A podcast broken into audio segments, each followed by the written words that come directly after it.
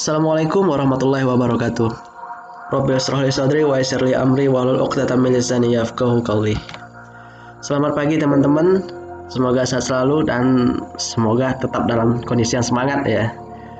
Uh, Oke teman-teman, perkenalkan terlebih dahulu nama saya Muhammad Al Fauzan. Saya berasal dari Politeknik Negeri Padang, jurusan Administrasi Niaga, program studi Administrasi Bisnis. Oke teman-teman, ini merupakan podcast pertama saya dan semoga kita bisa mengambil ibrah dan hidayah atau ilmu dari podcast ini. Baiklah teman-teman, semenjak kita lahir di dunia ini atau sebelum kita lahir ini kita nggak bakalan bisa uh, meminta untuk dilahirkan di mana, dengan suku apa, agamanya apa, atau bahkan kita nggak bakalan pernah bisa meminta untuk dilahirkan dengan kondisi kulit yang putih, hitam, cantik maupun ganteng. Nggak bakalan bisa kan teman-teman? Nah, karena itu kita lahir ke dunia ini sesuai dengan ketetapan dan ketentuan dari Sang Pencipta. Kita lahir ke dunia ini dengan keberagaman, dengan per, penuh dengan perbedaan. Namun walaupun berbeda, itu kaya akan warna-warni kehidupan. Uh, gini, mungkin saat kita masih kecil, terutama untuk kita yang beragama Islam, mungkin saja pernah mendengar istilah yang mengatakan seperti ini. Selain orang beragama Islam, mereka itu adalah mereka itu adalah kafir ya memang gak ada yang salah sih dengan kalimat ini namun yang salah adalah pola pikir kita atau persepsi kita di kalangan anak-anak. Ya, mana waktu itu kita tentu saja mudah menelan secara mentah-mentah kata-kata itu. Kita nggak tahu apa makna dibaliknya kan. Ya, hal itu juga terjadi kepada diri saya teman-teman. Singkatnya seperti ini nih. Uh, karena saya pernah menelan kata-kata itu, yang mana saya bawa hingga besar, tepatnya ketika saya duduk di kelas 2 SMK, saya harus mengikuti program magang di luar dan saya meninggalkan kota tempat tinggal saya. Saya beralih ke kota Batam. Dan di Batam saya tinggal di sebuah kampung kecil yang mana di situ mayoritas non muslim teman-teman. Uh, di kawasan Muka Kuning.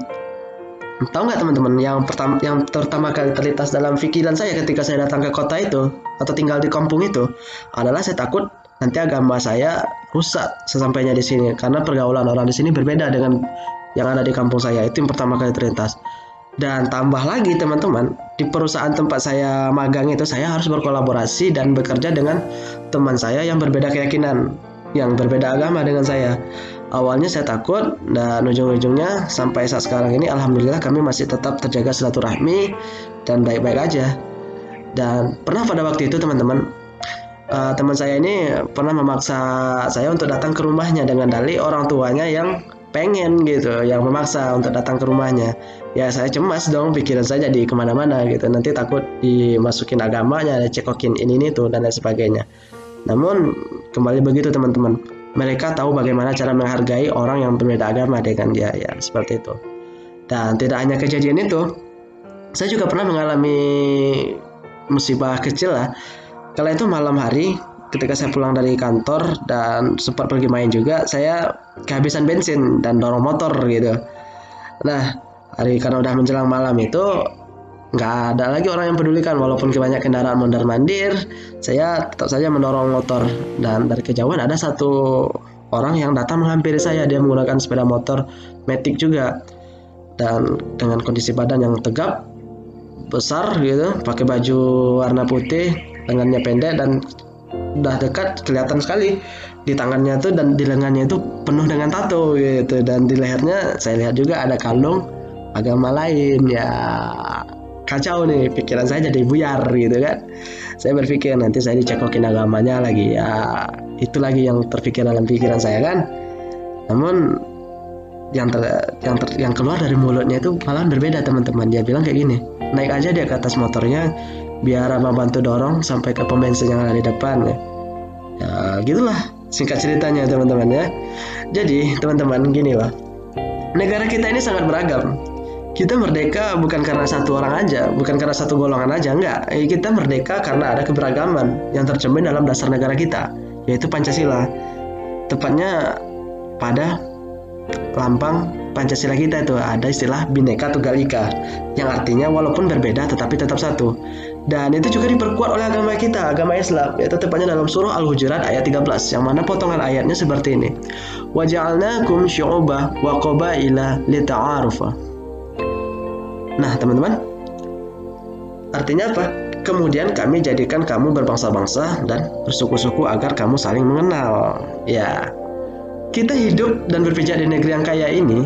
Negeri kita ini kaya loh, kaya keberagaman, ragam budaya, adat istiadat, suku, bahasa, bahkan agama. Hendaknya pluralitas ini tidak menjadi dasar bagi kita untuk berpecah belah. Dan kita juga bisa berpatokan kepada ajaran agama kita. Di mana ini pernah terjadi pada zaman Rasulullah SAW, yaitu di kota Madinah yang plural waktu itu, di mana ini merupakan cikal bakal toleransi umat beragama, terutama agama kita, agama Islam, yaitu dengan terbitnya piagam Madinah. Oke, teman-teman, dalam kehidupan kita tidak akan lepas dari yang namanya interaksi, karena pada dasarnya kita adalah makhluk sosial yang tentu saja membutuhkan bantuan dari sesama, bahkan ke makhluk lain gitu. Dari itu penting toleransi dalam keberagaman ini kita bangun agar hidup kita bisa berdampingan dengan nyaman, aman, dan saling menghargai. Yang mana imbasnya adalah tidak akan ada lagi perpecahan, tidak akan ada lagi timbul permasalahan karena perbedaan. Dan semoga berkurang nanti istilah agama itu teroris, ada berkurang lagi istilah Islamofobia dan lain sebagainya teman-teman. Yang mana pada akhirnya toleransi bukanlah tentang perbedaan, namun tentang pola pikir. Jika kita berpikir positif terhadap perbedaan, maka hasilnya akan berdampak baik. Dan sebaliknya, jika kita pola pikir kita selalu negatif tentang perbedaan, maka yang terjadi adalah kerusakan atau keburukan, teman-teman. Jadi sekian yang dapat saya sampaikan. Semoga kita dapat mengambil ibrahnya. Wabillahi taufik wal hidayah. Wassalamualaikum warahmatullahi wabarakatuh. Sampai jumpa di podcast berikutnya.